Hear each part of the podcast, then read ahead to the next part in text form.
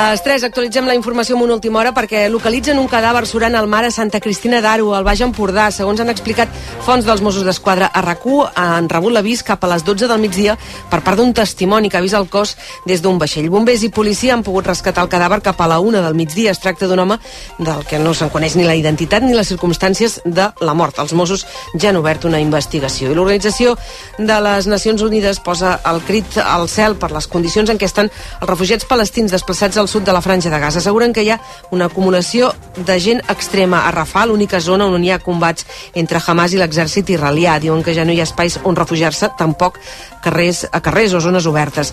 I també que els civils han de fer hores de cua als centres d'ajuda humanitària perquè els donin menjar, aigua i medicines. I els experts aplaudeixen l'acord europeu per crear la primera llei del món per regular la intel·ligència artificial. La Unió Europea preveu regular l'ús d'aquestes tecnologies en funció del risc per a les persones. Per exemple, només permetrà fer servir càmeres de reconeixement facial en espais públics en casos excepcionals com el terrorisme. També farà que sigui obligatori avisar si una imatge o un vídeo s'ha creat amb intel·ligència artificial. Segons els experts, és una normativa necessària que servirà d'exemple arreu. Tot i això avisen que no entrarà plenament en vigor fins al 2026. N'ha parlat a rac el president de la Fundació Puncat, Genit Roca. Abans no entri en vigor, passaran ben bé entre 12 i 24 mesos. Qui sap on serem en temes d'intel·ligència artificial d'aquí 12 o 24 mesos. En tot cas, millor tenir un, un esborrany de llei ara que entrarà en vigor d'aquí 12 o 18 mesos que no pas no tenir res, eh? La nova llei també posarà límits a eines, a eines cada vegada més presents a la vida diària com xat GPT. I en la prèvia del Barça-Girona, Xavi Hernández assegura que el Girona pot guanyar la Lliga, mentre que Mitchell diu que demà no poden jugar de tu a tu al Barça si volen tenir opcions de victòria. Xavi Hernández ha destacat els plantejaments valents de Mitchell i creu que si el Girona és co-líder al mes de desembre pot tenir opcions de lluitar pel títol. Un Xavi que s'ha mostrat partidari de la clàusula de la por que impedirà Pablo Torre jugar demà contra el Barça. De la seva banda, Mitchell assegura per, que per guanyar demà a Montjuïc necessiten exhibir la millor versió i que el Barça no tingui el seu millor dia. Demà Barça a Girona a partir de les 9. Avui juga el Madrid a un quart de cinc al camp del Betis, ja amb 11 confirmats, amb l'únic que continua sent el porter titular, malgrat Kepa ja està recuperat. I acabem amb el temps Martí Oliveres entre demà i dimarts. L'ambient serà càlid per l'època.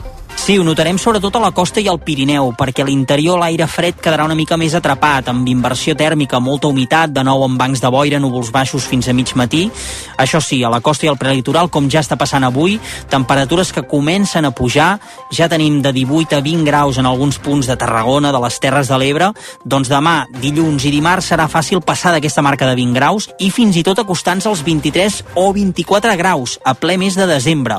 I també molt destacable la pujada a la temperatura a muntanya. Les cotes més altes del Pirineu, de fet, deixarà de glaçar-hi i no serà fins dimecres que recuperarem l'ambient més normal per les dates. Tanquem el racó migdia que hem fet la redacció d'informatius i d'esports amb el Marc Espejo, el control tècnic. A partir d'ara continuarem pendents de l'actualitat, els avanços informatius. A les 4 arrencarà el Superesports i a les 11 el Tu diràs. Nosaltres tornem demà a les 2. Ara us deixem amb el viatge bé. Bona tarda.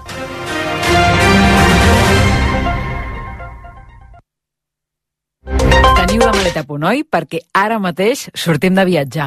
A RAC1, Viatge bé, amb Esther Muñoz.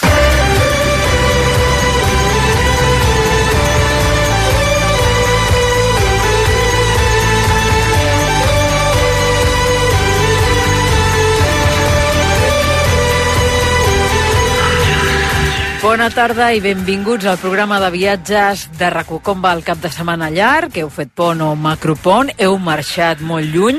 Si us heu quedat a prop de casa i us agradaria fer un viatge llarg, sou al lloc adequat perquè aquest dissabte els del Viatge B us hem preparat diversos plans. De seguida pujarem a un avió de Vueling per conèixer part del seu equip i dels seus destins. Amb els tripulants de cabina de la companyia emprendrem un viatge pels millors destins nadalencs del moment. Visitarem algunes de les capitals europees on aquests dies se celebren mercats de Nadal i sabrem quines són les seves peculiaritats. A més, quan baixem d'aquesta nau, anirem fins a la llibreria Altair, on la seva directora adjunta, l'Helena Bernades, ens donarà idees de regals viatgers per a aquestes festes. També visitarem els mercats de Nadal alemanys, guiats per la periodista Helena Marín, i farem una escapada en família al nord de Flandes amb Xus Tomé, l'editora del portal de viatges tousdestinos.com. Preparats per les nostres escapades? Doncs comencem.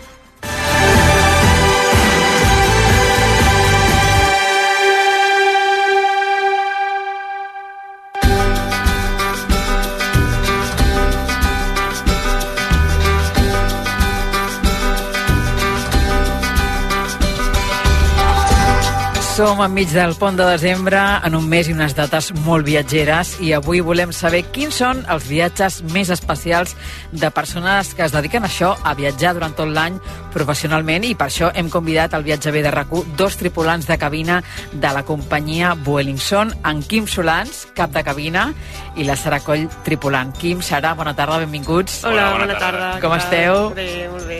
Us enganxem doncs, en, en temporada alta, en, en època de l'any en què la gent més viatja. Sí, sí, correcte. Ara són unes dates que, que la gent viatja molt i, bueno, nosaltres ho notem a la feina. Vosaltres també? Sí, és, és una època que tenim més vols programats i, i sí, sí, i la majoria de vols són famílies que viatgen a aquestes dates que tenen els dies, els nens que tenen festa al col·le, sí, sí. Vosaltres heu calculat eh, quantes setmanes us passeu volant durant l'any? Això ho teniu estudiat?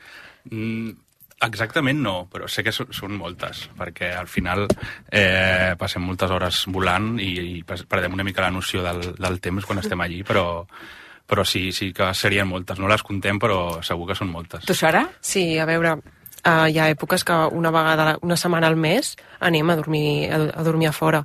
Hi ha altres temporades que potser no tant, però, però sí, jo crec que són moltes també. Uh -huh. sí. M'imagino que això, en el moment en què un es dedica al que es dedica, és molt vocacional. Sí, a veure, jo vaig començar, jo estava a Anglaterra, vaig anar de fer d'au pair, allà amb una família, i la, la, mare, la mare dels nens als que jo cuidava era, era tripulant de cabina allà a Londres. Ahà. I veient-la ella i així, doncs em va, vaig dir, ui, doncs ho podria provar. Ara que parlo bé l'anglès, doncs ho podria provar i, i jo veia com portava ella el seu dia a dia i em va agradar molt. I mira, per ella vaig presentar-me a l'entrevista i, i des de llavors, ara fa més de set anys que estic a Welling, que estic volant. I en el teu cas, Quim? En el meu cas, bueno, jo, jo havia acabat d'estudiar una carrera i no sabia molt ben bé què fer i això em va caure una mica del cel, no? Vaig, vaig dir, bueno, anem a provar-ho, a veure durant un temps si, si em va bé o faig una altra cosa.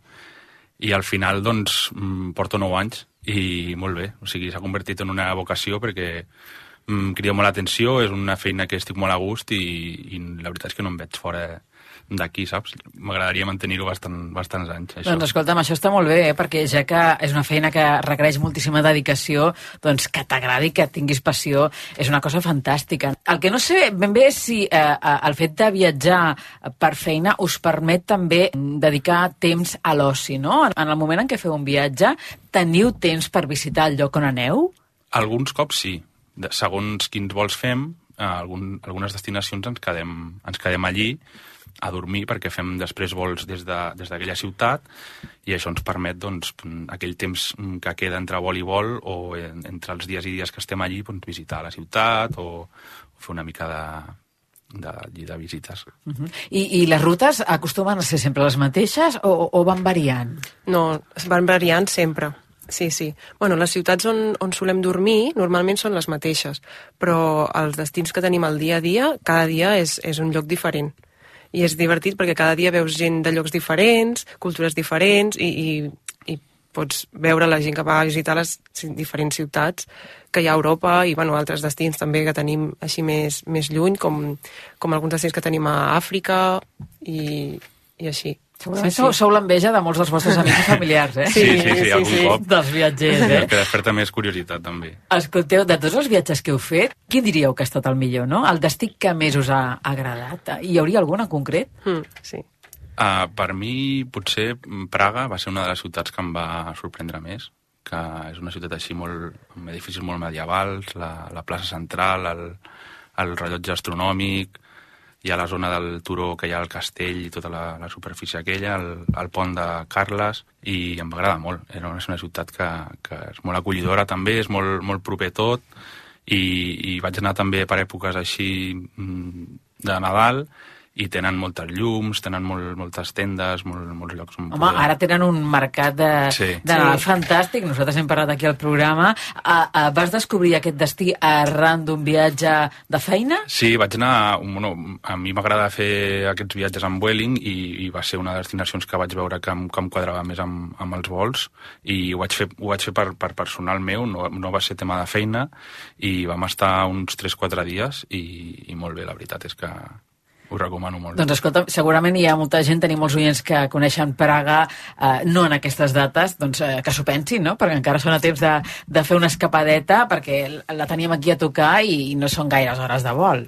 Sí, És sí. una, Sí. una opció molt bona. Sí, correcte. I en el teu cas, eh, Sara? En el meu cas, uh, Florència. A mi m'agrada molt Florència. Itàlia. I Itàlia, sí. I mm, allà sí que hi he dormit moltes vegades amb Vueling per la feina i, i està molt bé perquè és una ciutat que pots recórrer caminant tranquil·lament. És una ciutat uh, no gaire gran i pots veure totes les coses que té pues, uh, fent un passeig, um, passant a, la, a banda i banda del pont, Mm, hi ha molta, molta història, la gastronomia també, això és molt important, que allà es menja genial, sí, sí, i, i també m'agrada molt que hi ha un mercat així de, de roba, que fan moltes peces de, de pell, de Ahà, cuir, sí. i està molt bé, té molt bona qualitat, i és un, un mercadillo així que, que està molt bé, que, que pots trobar coses de pell de molta qualitat, com, com podries comprar en qualsevol marca bona de complements, per No sé exemple. si és una bona època per anar a Florència. Sí que n'hem parlat aquí al programa de, de Venècia, que, que Venècia sí que té Sí. un, un gran mercat de Sí, Nadal per en aquesta Nadal. època. No sé si, si Florència té també el seu, el seu mercat de Nadal. I escolteu, eh, pel que fa a, a destí sorprenent, a destinació que realment heu anat i no us esperàveu allò que us heu trobat? Per mi, és que és un, una de les ciutats més infravalorades, crec, de, de capitals d'Europa. Brussel·les és una de les que em va sorprendre més, perquè és molt similar a, a aquestes que hem estat parlant ara, és una ciutat molt accessible a tot, té la zona de la Gran Plaç, que és espectacular, sobretot ara a Nadal, tenen un arbre Nadal molt gran, tenen moltes paradetes, moltes llums, hi ha moltes paradetes on pots comprar gofres, molta xocolata i... I ara bueno, tenen ha- el Museu de Tintín, també. Sí, sí hi, ha una I ruta, hi ha una ruta del còmic que pots visitar i, bueno, bueno, visitar, pots recórrer els carrers i tenen allí coses del Lucky Luke, tenen coses del Tintín i de més, i bueno, és bastant curiós. I lo de la cervesa sí, també tenen, tenen de fet la, el Delirium Café, crec que es diu, que és a la, la cerveseria que té el rècord Guinness de la carta Sí, més extensa de cerveses de, del món. I és bastant curiós també visitar això. La veritat és que molt xulo tot. Mira, nosaltres fa uns dies vam tenir aquí a la directora de la Brussels House eh, i ens va explicar doncs, tot el que ens ofereix ara mateix eh, la capital belga. Per tant, si tenim algú, algun oient interessat en anar-hi aquests dies, en aprofitar aquests vols de la companyia Vueling a Brussel·les, que es descarregui el podcast d'aquesta conversa perquè realment va, va ser molt interessant. I en el teu cas, eh, Sara? El meu cas- La destinació sorprenent? Sí, el, la que em va sorprendre bastant va ser Copenhague. Copenhague és una ciutat molt alternativa que, que pots trobar diferents estils, uh, diferents, hi ha diferents barris on pots trobar, uh, per exemple, hi ha un barri que es diu Cristiània, que allà pots eh, és més així ple de grafitis, més alternatiu, així de skaters i així, i després hi ha com la part més clàssica de la ciutat, no? que és peatonal, que això està molt bé per anar-hi amb famílies, perquè és tot peatonal, amb espais així oberts, molt grans, i, i visitar la ciutat. I ara per Nadal també està molt bé, perquè també sí tenen els seus mercats de Nadal i també està tot il·luminat amb llums i així.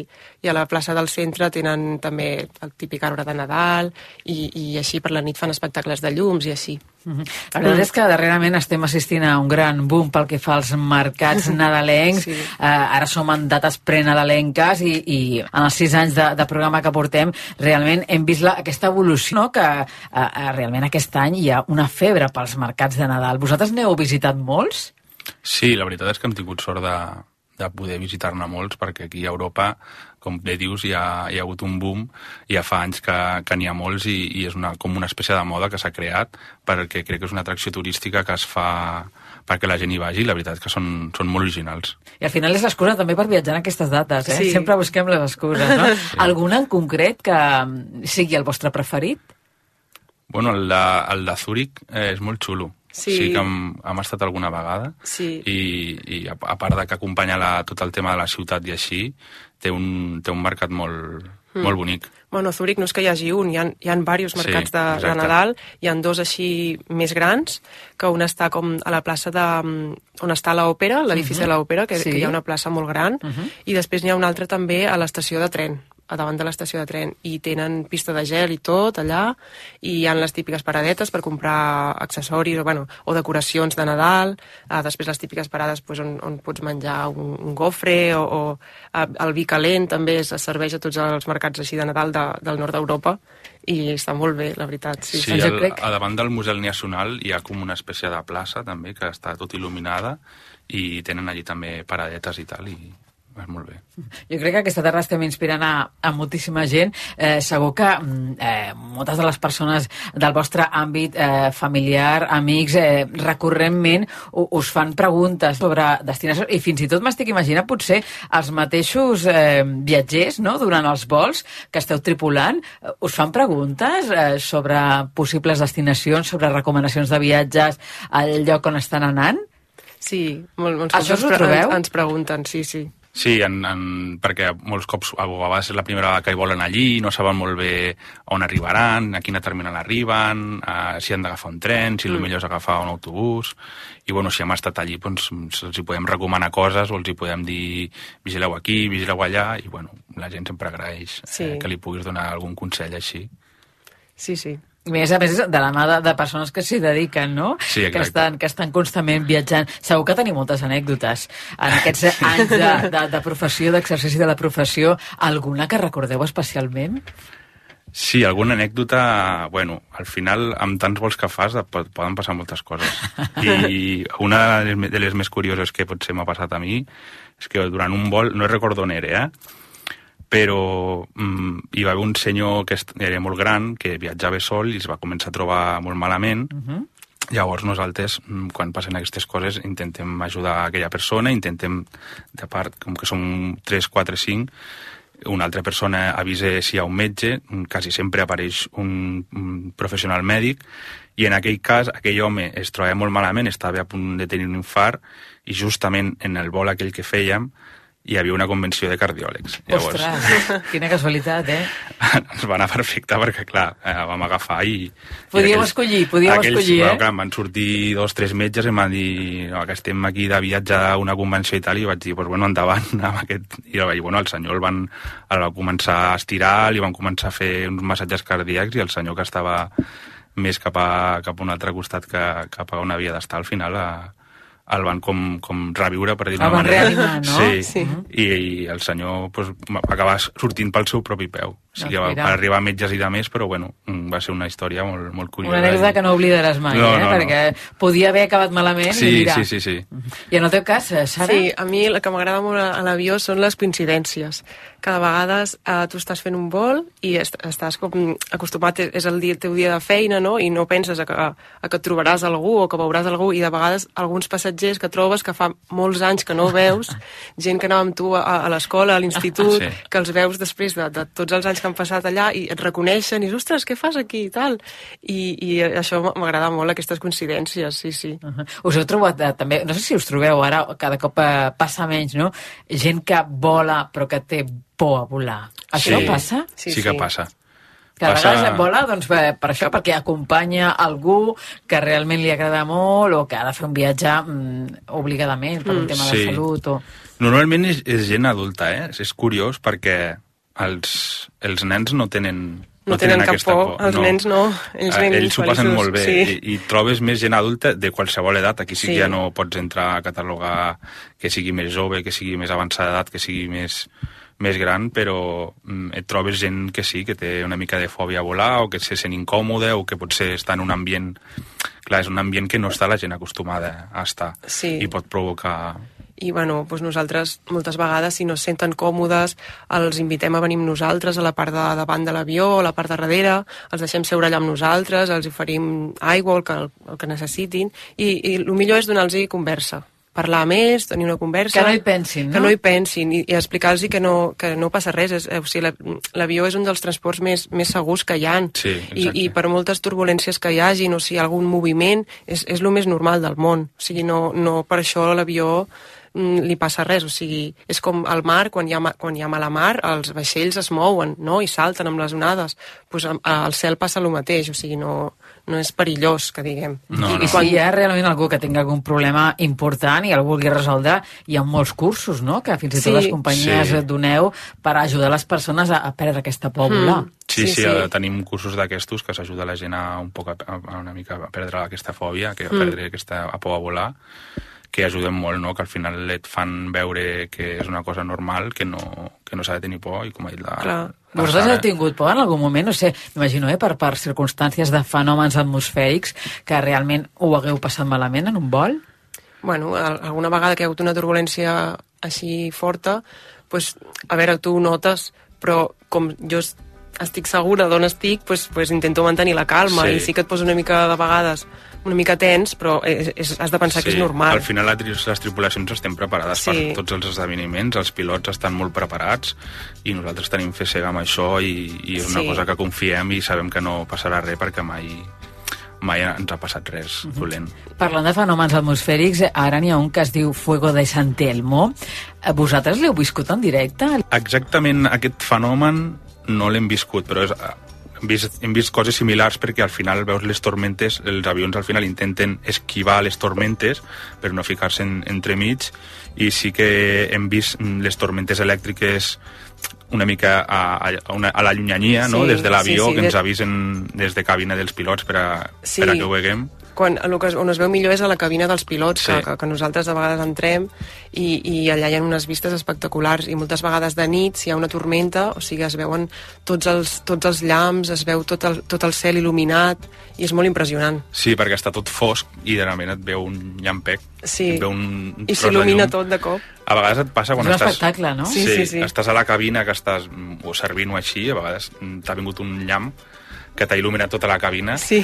I tu penses que algú ha obert un flash o així, però no, Però no, no, ha és set- de fora. ha set aquesta Sí. tormenta que tens a, a uns quilòmetres però ja t'està donant aquesta, aquesta il·luminació, bueno, Sí. això. Són vivències que el Quim Solans, cap de cabina, i la Sara Coll, tripulant de la companyia Vueling, han tingut en tots aquests anys, que avui ens han vingut a explicar aquí al Viatge de rac en un moment, com dèiem, de temporada alta, a continuar treballant i esperem que passeu unes molt bones festes, que Moltes tingueu una gràcies. molt bona Moltes entrada gràcies. d'any, i que viatgeu molt i que pugueu descobrir moltíssimes destinacions. Que vagi molt bé. Moltes Gràcies, gràcies, igualment. Gràcies. Adéu, adéu.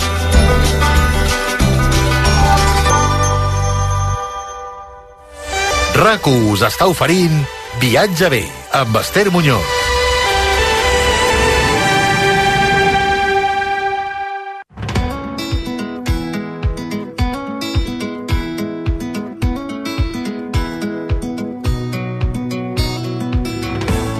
Arriba el Nadal al viatge bé i ho fa a través dels llibres i per això, doncs, com cada setmana ens acompanya la nostra col·laboradora, l'Helena Bernades, la directora adjunta del grup Altair. Helena, bona tarda. Molt bona tarda. Que ja, ja hi som. Estem a les portes, estem a les portes, sí, sí, I a més a més, engrescats. en tenim moltíssimes ganes. Eh, doncs, eh, de, ja, sobretot, frisem per veure què tenim a l'arbre del Nadal, per veure què cagarà el tió, Ara aquella ja emoció... és última hora, exacte, sí, última hora, preparatius per rebre la família a casa. I des de la llibreria ja hem recomanat i hem estat parlant de llibres una bona estona i portem unes setmanes ja entre tota la gent i també tenim coses que no són llibres. Això és el que volia jo dir. Eh, hi ha molta gent que segurament associarà a la llibreria Altair només els llibres, però és que a la llibreria oferiu moltes més coses, perquè, entre altres coses, teniu una agència de viatges, teniu també un bar-restaurant, eh, teniu una sala on feu presentacions de llibres. És que és un espai que ho té tot. És un espai viatger. Llavors, nosaltres intentem incloure tot allò que té cabuda amb el món del viatge, per petits, per grans, de forma literària i de forma ja més tangible, més física, més experimental. Per tant, si el tió, si el Pare Noel, si els Reis Mags volen anar a la llibreria a fer carregament de detalls que no siguin eh, concretament llibres, trobaran coses allà. I tant, de 10 a dos quarts de 8 del vespre, ininterrompudament fins a acabar les festes, ens trobareu allà amb un seguit de llibres, de viatges i també de molts complements que poden ser o no de viatge, però que sempre tenen una part relacionada amb el món viatger que ens defineix. Mhm. Ara ens deies, no? ens parlaves una miqueta de quin és l'horari que, que teniu, sobretot important eh, que la gent prengui consciència que no ho deixi tot per última hora, perquè, perquè, per exemple, tot i que el dia de la nit de Nadal cau en diumenge i potser alguns establiments obren, en el cas de la llibreria Altair, aquests dies no, són festius. aquest any, aquest any sí que tothom se'n va a celebrar amb la família el Nadal a casa i hem decidit que no, que aquest any no obrirem les portes els diumenges, tot i que no són festius perquè sí que podríem obrir, però la resta de dies estem allà al peu del canó i encantadíssims de rebre a tothom a la llibreria. Doncs està molt bé que haguem fet aquesta puntualització. I ara ja sí, eh, fa uns dies parlàvem de, de llibres de, de Nadal. Avui ens portes exactament detalls de Nadal. Sí, perquè hi ha molts complements per tots aquells amants del viatge, com per exemple trobem el Preguntes i el Travel Quiz, diguéssim, que ha publicat, que ha fabricat Lonely Planet, que és un trivia com uh, com, sí, com un trivial convencional, però només basat en el món del viatge. Són més de mil preguntes i el que es tracta és de recórrer el món encertant aquestes preguntes i a veure qui coneix una mica més el nostre planeta. És un joc per totes les persones, és a dir, no, no cal ser un gran expert i un gran viatger, sinó que també és de cultura general. Hi ha un apartat de natura, un apartat de gastronomia, un apartat de consells pràctics. És un joc d'aquests que tens a casa i que moltes vegades sorprèn perquè la gent no s'ho espera. Mira, un, un joc també per ajudar-nos en temes de geografia. Totalment, és un joc per tots aquells que vulguin aprendre i tots aquells que vulguin marcar-se-la. Uh -huh. Primera proposta de l'Helena Bernades. Avui regals de Nadal viatgers, joc de preguntes del quiz eh, pels viatgers, eh, Travel, la volta al mundo en mil preguntes del Lonely Planet Geoplaneta. Anem per la segona proposta, pel segon suggeriment. La segona proposta és una proposta bastant nova d'un projecte que ha sortit fa ben poc i és pels més petits de casa, per a totes aquelles famílies que comencen a viatjar amb els petits de casa i els volen engrescar. Kids Go Fly és una empresa que acaba de publicar uns petits passaports infantils que són per l'avió, Ah. que són perquè tenen 33 espais diferents per 33 viatges, tenen el mapa perquè els petits de la casa puguin anar tatxant en aquella llibreta quins són els territoris que han anat visitant Mhm. i perquè el pilot o les hosteses de l'avió puguin marcar-te també el passatger que ha vingut amb nosaltres a fer aquest recorregut, aquest número de vol i s'ha portat molt bé a l'avió. Fantàstic. Llavors és una petita eina també per motivar aquestes grans hores de vol als més petits de casa per voler pujar a l'avió i és un gran record després per tenir un compendi de tots els viatges que hem fet en família amb els més petits. Està inspirat en el passaport real, té les mateixes mides... És com un passaport de format, el que passa és que per dintre el que té és això, doncs diguéssim que és quasi un diari de bord en el món de la de, de l'avió, de l'aviació en comptes de la nàutica. És per tenir un petit recordatori de tots els avions que han agafat els més petits de casa i tots aquells territoris que han trepitjat. Doncs mira, un gran detall eh, per a aquelles famílies viatgeres, per a aquells nens viatgers, eh, per, per tenir doncs, aquest record, per guardar-lo per sempre més, igual que allò quan, quan hi ha el bateig, quan hi ha la comunió, que Ah, regalen el típic llibre, Ah, doncs exacte. aquest per les famílies I, viatgeres. i, I és una cosa curiosa i original que llavors ens costa de trobar i per tots aquells que no sabem ja què regalar perquè tothom ho té tot ja, doncs mira, coses diferents que fan gràcia. Mhm. I a més a més, un regal petit, no? Que no ocupa, que és fàcil de guardar juntament amb les coses de viatge i el passaport i la identificació i, i de que pot cadascú. cagar el tio perfectament, eh? És perfectament cagable, sí. No, no, no cal que li donem de menjar molt, eh? No, no, no, la veritat és que és petitó i no ocupa massa, es pot guardar fàcil. Fantàstic, va. Uh, anem per la, per la tercera proposta. Quina seria? Doncs la tercera són els, els, els jocs de natura, que últimament sí que és cert que tenim molta més consciència, ens agrada molt més tocar el que és flora i fauna, i l'editorial Salòria ha publicat un memo, un joc memo, dels ocells de Catalunya. És un joc que ja n'havíem parlat altres vegades perquè també hi ha uh, altres memos que també tenim a la llibreria, que són de fulles i arbres, que són també de petjades, i tenim un seguit de jocs de tota la família, en aquest cas són memos, que podem jugar-hi tots, és un regal perfecte per a aquells que no sabem què regalar-los i és també doncs, tocar una mica a l'ambient natural i una mica sortir del que és l'asfalt. Llavors, a l'editorial Salòria, que toca moltes coses de natura, ens proposa aquest memo per conèixer tots els ocells de Catalunya. Mhm, Que a més a més ens, de, em- ens deies fa una estona fora d'antena que ara mateix hi ha una falera increïble per, per tot el que té a veure amb les aus aquí a casa Sí, nostra. jo desconeixia, suposo que és perquè també és un tema que a mi m'ha fet una mica de por, perquè a mi em fa bastant de por les gallines. Llavors no m'hi he acostat massa, però sí que és cert que cada vegada el món de les aus, que semblava que era només pels especialistes que se'n van a buscar aus migratòries a diferents llocs, no, no, també pels nens petits de casa, cada vegada el món de les aus crida més. El tema de la ornitologia, que a Catalunya doncs, estem veient que hi ha moltíssima gent que va a fer avistaments. Sí, sobretot falera, hi ha falera. A la zona del Delta de l'Ebre, és És increïble. espectacular, sobretot en les èpoques de migració. Fins i tot tenen un festival que fan al mes de setembre, que n'hem parlat aquí al Viatge B, que um, reuneix a moltíssima gent. Doncs va, um, anem a recapitular doncs, aquestes tres propostes que trobarem, que trobaran el Cagatió, el Pare Noel i els Reis Mags eh, per regalar aquests dies a la llibreria Altair, eh, començant per aquest joc de preguntes, quiz pels viatgers, Travel, la volta al mundo, en mil preguntes de Lonely Planet Geoplaneta. També tenim el Kids Go Fly, el passaport de viatges infantil, Mhm. i per últim aquest joc de memòria d'ocells de Catalunya de l'editorial Salòria que ens ha vingut avui a explicar l'Helena Bernades, perquè nosaltres realment els desconeixíem. Van sortir novetats. Van sortint novetats, hi ha molt joc, hi ha molta temàtica viatgera i cada vegada tenim una mica la secció més àmplia i la seguirem ampliant. Doncs Helena Bernades, una forta abraçada, que tingui un molt bon Nadal.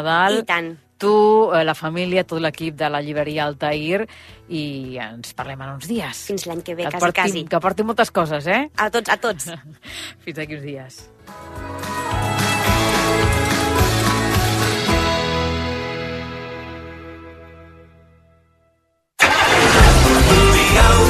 Necessites comprar-te un cotxe? Vine a Mundiauto, disposem de més de 600 vehicles a preus excepcionals. Més de 120.000 persones ja han adquirit un vehicle a Mundiauto. Ara et toca a tu. Mundiauto, al centre comercial de l'automòbil al Prat de Llobregat. Mundiauto.com Som a l'era de la intel·ligència artificial, una revolució privada que converteix les grans tecnològiques en agents geopolítics. Canviarà el món i les nostres vides, i s'hauran de trobar fórmules per regular-la. Vanguardia Dossier analitza l'era de la intel·ligència artificial i l'impacte que tindrà les nostres vides. Ja a la venda. Vanguardia Dossier. Anàlisi per tenir opinió. Arriba la venda privada exclusiva per clients amb targeta al Corte Inglés, amb descomptes de fins al 30% en més de 1.000 marques. Moda, llançeria, accessoris, sabateria, esports, llar... Només fins a l'11 de desembre, venda privada en exclusiva per clients amb targeta al Corte Inglés, a la botiga web i app. Targeta mesa per financiar el Corte Inglés i subjecte a la seva aprovació. Consulten les condicions al corteinglés.es. RAC 1 El Via Lliure i Renfe us porten a Madrid a veure Matilda el musical. Participeu en el sorteig de dos packs per quatre persones per anar a Madrid el dissabte 16 de desembre. Optareu a guanyar quatre bitllets d'AVE d'anada i tornada a Barcelona-Madrid i quatre entrades per anar a veure Matilda el musical.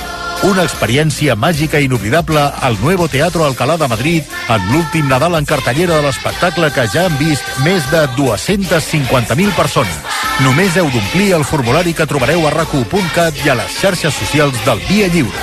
El dissabte 16, vine a veure Matilda el musical a Madrid amb el Via Lliure i Renfe. RAC 1. Tots som u.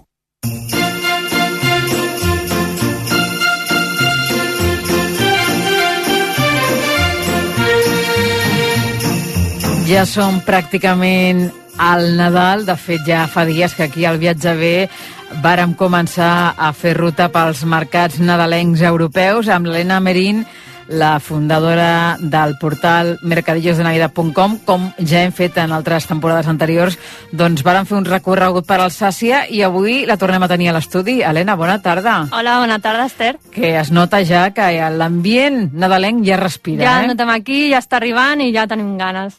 I avui mm, has mm, ideat una secció que està basada en una ruta romàntica a Baviera per un mercat de Nadal, no? Sí, és una ruta per diversos pobles d'aquest estat d'Alemanya tan interessant. Uh -huh. Per què? Per què has decidit portar-nos cap allà? Els mercats de Nadal d'Alemanya eh, són uns dels que més m'agraden, potser perquè és el país d'origen d'aquests mercats de Nadal, uh. -huh. llavors és, té un ambient una mica diferent, menys turístic, jo el trobo molt autèntic sempre, i doncs aquí visitarem, us proposo algun dels pobles amb més encant de, de Baviera. Perquè què és ben bé, Helena, la ruta romàntica? No sé si és una ruta nova, de nova creació, si ha existit sempre. La ruta romàntica és una ruta turística, té aquest nom oficial, Val. eh, de més de 400 quilòmetres eh, per l'estat de Baviera, de nord a sud o de sud a nord, gairebé en línia recta, Uh -huh. que permet visitar alguns dels pobles medievals amb arquitectura medieval, medieval més bonics d'aquesta zona i també alguns palaus. El més famós de tot, el de Neuschwanstein, Weinstein, uh. -huh. al, al, gairebé als Alps i al, i al sud. I a què fa referència exactament al nom de ruta romàntica? El nom no fa referència ni a prínceps ni a princeses, sinó que més aviat descriu aquesta sensació que transmeten tots aquests eh, poblets medievals, boscos de somnis, castells, tot molt lligat també amb el, re, amb el romanticisme alemany i dels contes de fades, que n'hi ha moltíssims per aquesta regió. Mhm. Home, déu nhi és una ruta llarga, no?, perquè més de 400 quilòmetres són, són quilòmetres. No sé si tu l'has fet o no l'has fet, aquesta? Aquesta n'he fet una part, vaig haver d'escollir alguns pobles, eh, ho vaig fer en un viatge doncs, a, en el que també vaig visitar Múnich i Nuremberg, que són molt complementaris si feu aquesta, una part d'aquesta ruta. Perfecte, o sigui que sí, el que volem també és conèixer ciutats importants eh, d'Alemanya, doncs tenim aquestes opcions, Múnich i Nuremberg, que per cert, Nuremberg, hem de dir que eh, ara mm, aquí a Catalunya tenim eh, una molt bona notícia i és que tenim un vol directe amb Vueling Barcelona-Nuremberg, que això és per aprofitar també. Això és per aprofitar i, i també, de fet, també hi ha una ruta a Múnich, o sigui que les dues eh, podeu arribar fàcilment. Doncs va, si et sembla, Helena, repassem una miqueta quins són els mercats més importants i quines són les dates en les quals se celebren per si algun dels nostres oients doncs, té curiositat per conèixer-los. Doncs eh, comencem per Busburg, que és un poble que està situat al nord, considera una mica l'inici d'aquesta ruta romàntica. Uh -huh. Llavors celebrarà el seu Nadal de l'1 al 23 de desembre. Llavors aquesta és una, un poble-ciutat, així una mica gran, i és popular doncs, pel seu Palau Residence, un dels més elegants de la ruta romàntica i que recomano visitar, jo a mi em va agradar força. Llavors aquí els seus mercats de Nadal estan a la plaça principal, no són mercats molt grans, eh? perquè com us he dit, la, la ruta romàntica a mi el que em va agradar és que eren poblets petits, amb mercadets petits, amb tot un ambient doncs, eh, bastant accessible, tranquil, i aquí és el que trobareu a aquesta ciutat tan interessant com és Busburg. Uh -huh.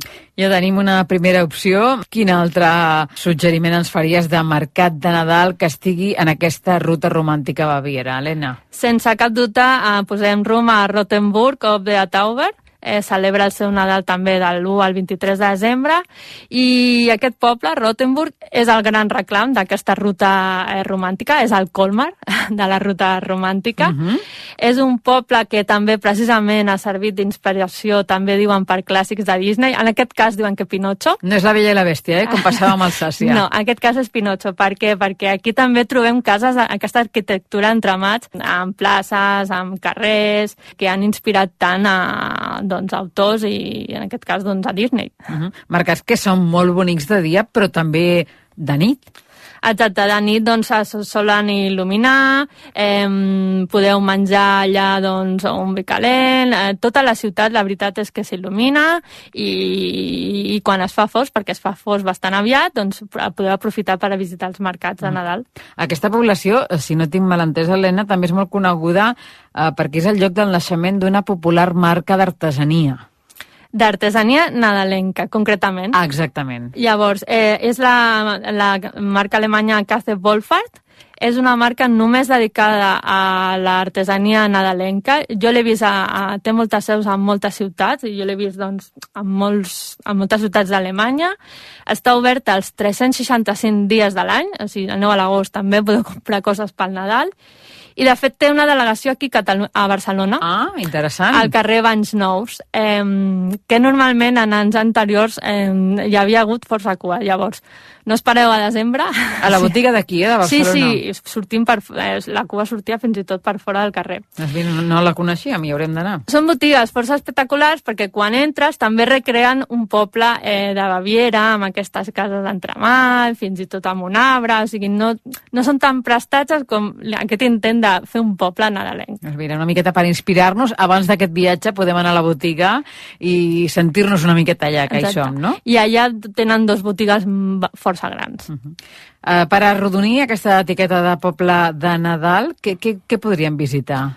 Podríeu visitar el Museu de Nadal de Rottenburg, ja que, que com us he comentat, doncs, Alemanya és el país d'origen dels mercats de Nadal, els, inca, els agrada molt el Nadal, no és un Nadal tan comercial, és un Nadal de tradicions, d'estar amb la família, amb els teus amics, i aquest museu doncs, explica una mica aquestes tradicions a, allà a Alemanya. A banda, doncs, recomano que no us n'aneu de, de Rottenburg sense tastar el Schneeball. Què és? És un popular dolç, eh, de fet Schneeball vol dir bola de neu, eh, són arrodonits, força grans, fets de farina que es, es fregeix i després posterior amb unes pinces i posteriorment doncs, es cobreix de sucre i també de xocolata. Llavors agafar aquesta boleta nadalenca, doncs allà eh, us ho recomano, veureu que està a totes les botigues del poble i és molt típic de Rottenburg. És potent, eh? És potent, però bé, al Nadal necessites a una- Energia, eh? Una mica. Sobretot també de cara al fred, que Sí, fa sí. que les temperatures deuen ser molt baixes, no? Sí, fa, fa fresqueta, aneu sempre amb guants i gorro, i si teniu fred, doncs moveu-vos i tasteu una mica el vi o la boleta. Hem repassat ja, hem recorregut dos mercats que eh, coincideixen en dates de l'1 al 23 de desembre i ara anem amb un tercer que comença una miqueta abans i també comença abans. Sí, eh, comença una mica abans, és el cas de Dinkelbull, eh, del 30 de novembre al 21 de desembre. Llavors, aquest és un poble també molt recomanable per visitar al Nadal, eh, perquè està emmurallat, teniu diverses torres que podeu visitar. Llavors, aquí hi ha arquitectura d'entremats, però també hi ha una arquitectura una mica amb cases més grans, més acolorides. És un poble molt famós també d'aquesta ruta romàntica. És molt visitat per Nadal? Per Nadal als alemans els agrada molt, eh, arriben al, alguns autobusos, i el seu mercat de Nadal de nou és força petit, eh, està bàsicament centrat en parades de menjar i beguda, encara doncs, que també, per suposat, també trobareu artesania alemanya nadalenca, que com us he dit és molt tradicional al, al país. Potser el seu mercat no és el principal reclam perquè és petitet, però és un, un poblet molt interessant. Perfecte, va tenir en compte. Va, anem amb el quart mercat de Nadal aquí en aquesta zona d'Alemanya eh, i tornem a, a les primeres dates que comentàvem, no? Aquest està obert de l'1 al 23 de desembre. Quin és?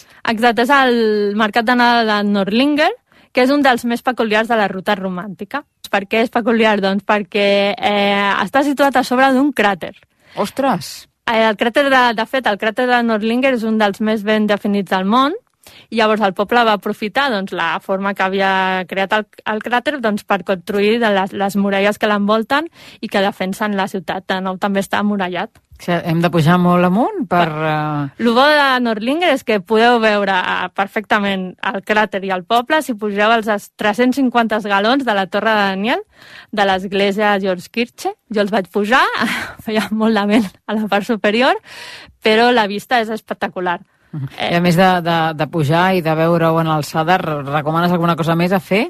Sí, podeu recórrer les muralles. De fet, això no només a Nordlinger, en molts d'aquests poblets, les muralles són com un passeig eh, i, la, i podeu fer la volta rodejant el poble i és una altra manera de veure'l també. Uh -huh. Com és, eh, Helena, aquest mercat nadalenc? És un mercat senzill, has estat amb, amb gastronomia, amb beguda i, i, com he dit, doncs això, no són, són turístics però no hi ha moltes massificacions i a mi són els mercats que més m'agraden. Uh -huh.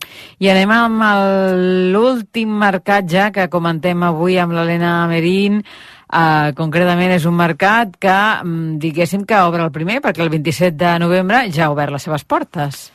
Sí, eh, la tercera setmana de novembre, de fet, és molt habitual que obrin molts, la majoria de mercats de Nadal d'Europa, perquè és un mes just abans de, del Nadal, llavors en realitat cele- celebren l'Advent. Llavors aquest mercat és un dels més actius d'Alemanya i es va originar a principis del segle XV i, poster i ara doncs, ja s'anomena Christkindlmarkt, que és el nom típic que tenen els mercats d'Alemanya de Nadal a Alemanya. S'instal·la a la plaça de l'Ajuntament i cada any rep molts visitants. És un poble molt maco, Asburg, amb un centre realment espectacular i que és un bon punt final per una ruta romàntica.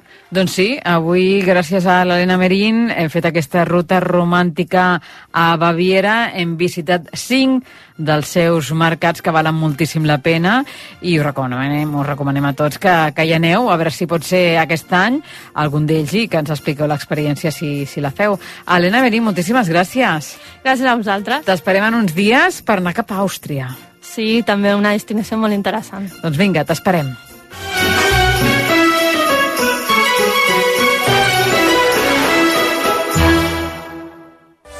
RAC1 us està oferint Viatge bé, amb Esther Muñoz.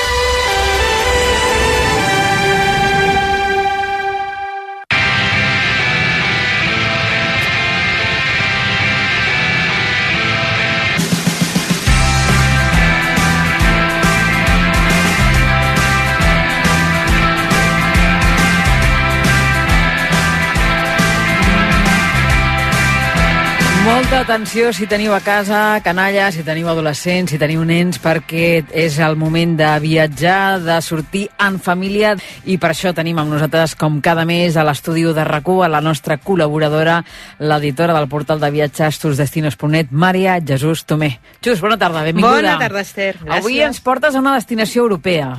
Sí, us porto al nord de Flandes, que és un territori genial per gaudir de la natura en família i per fer recorreguts amb peu i amb bici. Uh -huh. De fet, vosaltres fa uns mesos que hi veu anar, no? En sí, família? sí, sí. Vam anar, mm, crec que al maig, ara no me'n recordo perquè tinc... I vam anar al que és la província de Limburg, que és al nord de Flandes, que està al límit d'Holanda i Alemanya. A més, és una zona molt tranquil·la, molt familiar, molt tranquil·la si la compares amb les sempre animades ciutats com són Gant, Bruges, Malines, Lovaina, Anvers, que són les ciutats flamenques més conegudes. Això és una zona eh, de natura, de pobles i de...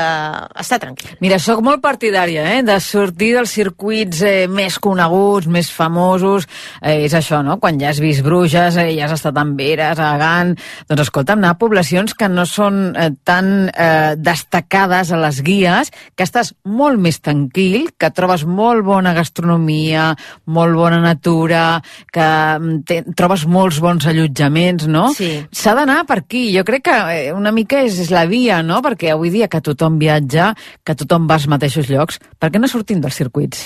Pots sortir del circuit, a més de, pots llogar un cotxe de, llu, un cotxe de lloguer a l'aeroport la, de Bedo a Brussel·les o d'Eindhoven, per exemple, d'Eindhoven també queda força a prop aquesta zona, la província de Limburg, i te'n vas sinuixant amb el cotxe i vas fent parades, vas fent recorreguts, o inclús pots fer un recorregut amb bici elèctrica. Ah, sí? Sí. Uh, de fet, hi, ha, hi havia moltíssims turistes que anàvem amb la bici elèctrica, amb les bosses allà la bici, feien estada. O sigui que és una zona que està molt bé, i sobretot pels nens, perquè està molt bé perquè allà, inclús el nen que no sap anar amb bici pot aprendre, perquè és una zona molt plana, que no hi ha muntanyes, no tenen, no tenen elevacions, no tenen grans muntanyes, i clar, agafant la bici els nens poden aprendre molt bé i de seguida, i a més que tenen molts carrils bici. Allà tenen una cultura de la bici extraordinària. Hi ha 14.000 quilòmetres de bici, de carril bici. Només a Limburg hi ha 2.000. Déu-n'hi-do. Sí, ja el fet d'anar amb la bici és molt habitual.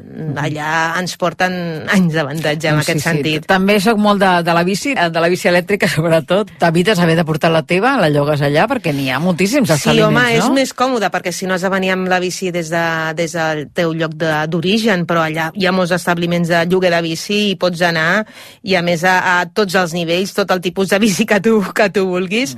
Que no cal I, que home, estiguis abassat, eh? ni que estiguis No, entrenant, no, ni que no, no, un no, no. Miguel Indurain, eh? No, no, no, que, no, no, cap Indurain. Aquí pots agafar més com és elèctrica, tampoc és que facis grans esforços, però està molt bé, està molt bé i a més així surts una miqueta, també fas una mica d'exercici, perquè tot i ser elèctrica també algun exercici fas. Mm, També s'ha de dir. Però fer un recorregut sobre dues rodes sempre van bé. I quins llocs vareu visitar en aquest viatge, Xus? Mira, uh, vam anar a Bosland, que és un bosc que és el bosc d'aventura més gran d'aquesta regió europea, que està ple d'arbredes, de praderies, de valls fluvials. A més, és molt famós perquè té una passarel·la circular de fusta al mig del bosc que comença a nivell de terra i va pujant fins a arribar a les copes dels arbres, uh -huh. on allà comences el descens i acabes al mateix punt on has començat. És un parc de 5.000 hectàrees, eh? O sigui que estem parlant d'un parc molt important que està ubicat al nord de la província de Limburg i s'estén sobre els municipis de Pell, Pier, Hetzel-Exel i Lommel. I precisament eh, hi ha un altre paisatge que sorprèn molt que està a Lommel, que és el Sàhara de Lommel, que és un paisatge desèrtic, òbviament, com el seu propi nom indica, que és una gran extensió de sorra que s'assembla com a un desert en miniatura que a més eh, també doncs, pots eh, passejar per la sorra, òbviament eh, és petitó de dimensions, però també hi ha, a banda d'aquest paisatge àrid, també hi ha llacs de blau clar, brugueràs i també hi ha boscos. És un lloc molt maco també per passejar, l'Omel. Escolta, no t'ho he demanat, però eh, les comunicacions, no? Vosaltres vareu sortir de Barcelona, quin recorregut vareu fer fins a arribar eh, aquí al nord de, de Flandes i en concret a aquesta població que ens deies Limburg, no? Aquesta província A la província de Limburg, molt fàcil. A avió fins a Brussel·les i allà un cotxe de lloguer i amb una hora i mitja estàs ja allà. O bé també hi ha molt bones connexions des d'Eindhoven, des d'Holanda. Jo crec que diria que està més a prop amb cotxe. També pots jugar al cotxe a Eindhoven i, i anar. I és, jo que diria que és una hora. Tampoc això estic segura perquè jo vaig anar des de Brussel·les. Però està molt ben comunicada. No és, uh, I a més hi ha moltes uh, freqüències aèries amb diverses aerolínies. Uh, és un lloc que està ben comunicat. A quina època vareu anar vosaltres? Vam anar cap al maig-juny. Ara no m'ho facis dir perquè no estic segura Ja, del tot. ja. perquè Ja perds el control, eh? Tinc una agenda viatgera. Tu ja saps que tenim una agenda viatgera bastant farcideta Sí. i jo sí que perquè anàvem amb màniga curta. Jo crec que era ma- maig-juny. Per Juny, tant, diria. el temps va acompanyar. El temps ens va acompanyar. Aquí millor també el que parlem, desestacionalitzar no? totes les destinacions turístiques, però jo crec que primavera, estiu, eh, tardor és un bon moment per anar-hi. Mm -hmm, fantàstic.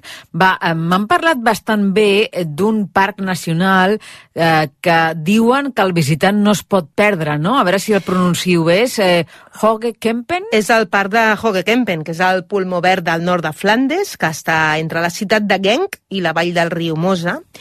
I a més, és una reserva... té 12.000 hectàrees. Estàvem parlant de Bosland, que tenia 5.000, aquest té 12.000, i té més de 7.000 espècies de plantes i animals, també hi ha molts boscos, brugueràs, i hi ha una experiència molt original. Quina? És eh, un passeig eh, sense calçat, totalment descalços, a través del Lieteberg. Ah, que és un, camí, no? és un camí que es troba al voltant d'una antiga mina de grava i sorra, uh, són uns 3 quilòmetres, i a més el fas descalços. I tu, els nens, aquests s'ho passen molt bé. Perquè, clar, tu imagines, home, han d'anar sense sabates, han de creuar ponts, han de caminar sobre terra, han de travessar boscos de pins, però el tenen molt ben arregladet, perquè clar, tu tingues en compte que la gent ha d'anar descalça, no pot haver-hi ni cap uh, pedra ni cap cosa que se't clavi. Llavors, sempre, cada dia el netegen i tu pots fer aquest recorregut. I a més que eh, prens contacte amb la terra, amb els peus, no? I és una, altra- una altra manera de descobrir el territori. Mhm. I quina és la sensació eh, que tens després de, de, de fer aquest recorregut? Home, és una sensació doncs, eh, molt agradable, perquè el fet d'anar a trepitjar la terra, de,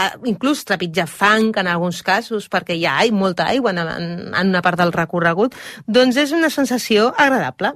Inclús et pots emportar un recordatori, perquè hi ha un marc gegant on tu et pots fer una foto, uh -huh. Estàs totalment, estàs sense sabates i es, eh, la penges a les xarxes socials per dir, he fet el Dieteberg, no? el camí descalç que es pot fer a Flandes. Uh -huh. I quan s'acaba l'experiència tens algun lloc per netejar-te els peus, sí, per tornar-te a home, calçar... sí, tens, a, exacte, tens a un lloc per netejar, hi ha unes fonts per netejar-te, per poder-te canviar, poder-te posar un altre cop els mitjons i les bambes o les sabates, el que portessis, i a més també completes una visita a un museu dels insectes d'Entomòpolis i també una cúpula de papallones, on hi ha moltes papallones. Ja et dic, és una visita perfecta pels nens aquesta. sí, Pots estar tot el eh? matí, entretinguts, a més eh, fan una cosa diferent, totalment diferent. Jo no, no ho havia fet mai, aquí, per Sí, sí, exemple. és com una classe de naturals. És una classe de, totalment de natura, sí. Uh -huh. uh, el Parc Nacional de Hoekempeng, eh, pel que hem eh, vist, eh, compta amb més de 440 quilòmetres de camins. Sí, sí, sí. sí. Eh, ja et dic, i a més, molts adreçat, eh, adreçats al turisme familiar. Per exemple, hi ha un altre, a banda del Lieteberg, hi ha la ruta Stokeman, que és una ruta d'uns 4,2 quilòmetres, no és una ruta molt llarga, la pots fer, és una tarda després de dinar, i a més que també que és, no hi ha, com que no hi ha muntanyes, és molt plana, i es pot fer amb una aplicació, amb un llibre de jocs, amb un fulletó, però jo recomano fer-la amb un ranger, que normalment són persones jubilades que els agrada molt la natura, que t'acompanyen i t'expliquen tot. A més, eh, és molt divertida perquè el Stokeman aquest és com l'insecte bastó, és com una mena de personatge que te va assenyalant constantment la direcció del camí, hi ha uns 12, i eh, fins al final, que hi ha una mena d'escala del llamp, que allà pots pujar i tens unes, unes vistes meravelloses del Parc Nacional de Hoogekempen. Jo crec que és un punt i final al recorregut perfecte. Mhm. També eh, eh, se subratlla a moltes guies, a molts llibres de viatges, una ciutat eh, que porta per nom Genk, no? Què, Genk, què s'hi pot veure aquí? Vareu estar vosaltres, Sí, uh, és una ciutat uh, amb un passat industrial molt important. Allà es va treballar el carbó, hi havia una mina, que era la de Winterslag, i avui dia l'única cosa que queda d'aquesta excavació d'aquesta mina és, uh, són les dues, dues torres. I aquestes dues torres uh, són l'emblema d'un espai, que és el Semain, que aquest té com a objectiu bàsicament eh, difondre la cultura, el turisme i la preservació de l'herència industrial minera de Bèlgica. A més, hi ha moltes exposicions artístiques. És un lloc molt maco, que enganxa. La veritat, jo el recomano per visitar també, perquè no només pels nens, sinó també pels grans. O sigui, difusió de la cultura, món de turisme, no? Moltes propostes d'innovació també. Sí, uh, i moltes coses, uh, molts temes alternatius. Uh, hi ha molt tema artístic també, hi ha molts espais pels joves um, artistes que volen exposar, i tot això barrejat amb l'herència industrial. Amb això, aquí els flamencs ho han sabut fer molt bé. Aquí a Genk. Fantàstic, fantàstic. Alguna activitat més que pensis que és interessant de fer a Genk? Sí, uh, hi ha un, un complex de parcs i museus que es diu Bòcria. Aquest jo el vaig conèixer ja fa dos o tres anys quan vam anar per un aniversari dels Bruegel, perquè el, a, a Flandes sí que reivindiquen molt els seus pintors. I, per exemple, ha, hi ha Bruegel, doncs a, vaig anar, doncs, tenia amb el mateix Bòcric, al mateix parc, hi havia una exposició dedicada a, en aquest pintor. Uh, aquí es poden fer també passejades a peu com en bici i a més tenen un tema, un lloc molt curiós, que és una passarel·la que és, té uns 200 metres que tu la pots travessar en bici i és un camí que està sota el nivell de l'aigua. Tu l'estàs atrevessant i estàs veient la superfície de l'estany a l'altura, a l'alçada del teu cap, sí. a banda i banda, i és un recorregut com molt singular, perquè tu vas amb la bici i estàs veient l'estany i dius, ostres, aquí tinc l'aigua a tocar. A banda i banda. A banda i banda, que a veure si vessa i, i, i, i passa una desgràcia. No, Has no, de no. portar el banyador, eh? I he de portar el banyador, no. A més, és un projecte que va guanyar, va guanyar l'any 2018, uh, va ser guarda, guardonat pel seu caràcter innovador i també perquè té un, un gran respecte per la natura i l'hàbitat dels animals de la zona. Mhm, Fantàstic. Jo recomano la, vis la visita a Bòcric, també. Ens ho anotem. Eh, parlem de l'allotjament, no? Quines opcions tenim en aquesta zona? I aquí hi ha de tot. Tens el típic bed and breakfast, però són molt còmodes, mm, molt senzills, però molt arregladets. Tens hotels boutique. Per exemple, em vaig quedar en un, hotel boutique que estava força bé. I després tens glampings. mm? El Mm, típic m'encanten. glamping El- eh, el entre càmping, prats. allò, cinc estrelles, eh? Sí, eh, ja són càmpings, glampings, que estan molt bé, que tens la teva, el, el teu tipi, no? com si fos eh, un indi. Sí, una tenda de campanya, però d'aquelles de primer nivell. De primer nivell, i, i la veritat és que són allotjaments, a, a més, que com que estan tan vinculats a la natura, alguns tenen granges d'animals, o sigui, que són animals de granja, pollets, conillets, que si, si tu vas amb un nen, doncs eh, sempre es fa molta gràcia doncs, a visitar-los i acaronar-los, i és una activitat més, no? Uh, també hi ha ases, hi ha cavalls, uh, és una zona en, en què la natura està molt present i tenen molt, també molt respecte per la natura, també molt sostenible. Cuida molt els animals. I, i la gastronomia, què? Alguna cosa destacada? Mm. A veure, la veritat és que um, vaig tornar molt satisfeta per Sí? la gastronomia, sí, perquè jo eh, recordava una gastronomia molt més, eh, molt més simple, doncs, dedicada només a uns certs plats. En canvi, vam dinar força bé, eh, carn, peix de riu, eh, hi havia propostes molt, molt engrescadores pel que fa a la gastronomia i també la recomano també doncs, per la gent que li agrada la gastronomia descobrir coses noves perquè també hem d'obrir una miqueta a, El ventall, al eh? ventall de, de restaurants. El nivell gastronòmic estava, estava molt bé, la veritat. Doncs avui hem descobert amb la Xus Tomé, editora del portal tusdestinos.net, aquesta població del nord de Flandes, que no és altra que la província belga de Limburg, que hem vist que podem fer moltíssimes activitats en família, que podem gaudir de la gastronomia, de la natura, que la tenim relativament a prop i que, escolta'm, en un cap de setmana ens podem plantar, un, el fem una miqueta més llarg sí. i, i Amb un realitzem... pont, potser millor. En un pont, Amb un això pont. mateix. Fantàstic, doncs Xus, moltíssimes gràcies un cop més i t'esperem el mes vinent amb més propostes. Moltes gràcies. Una abraçada. Adeu. Adeu.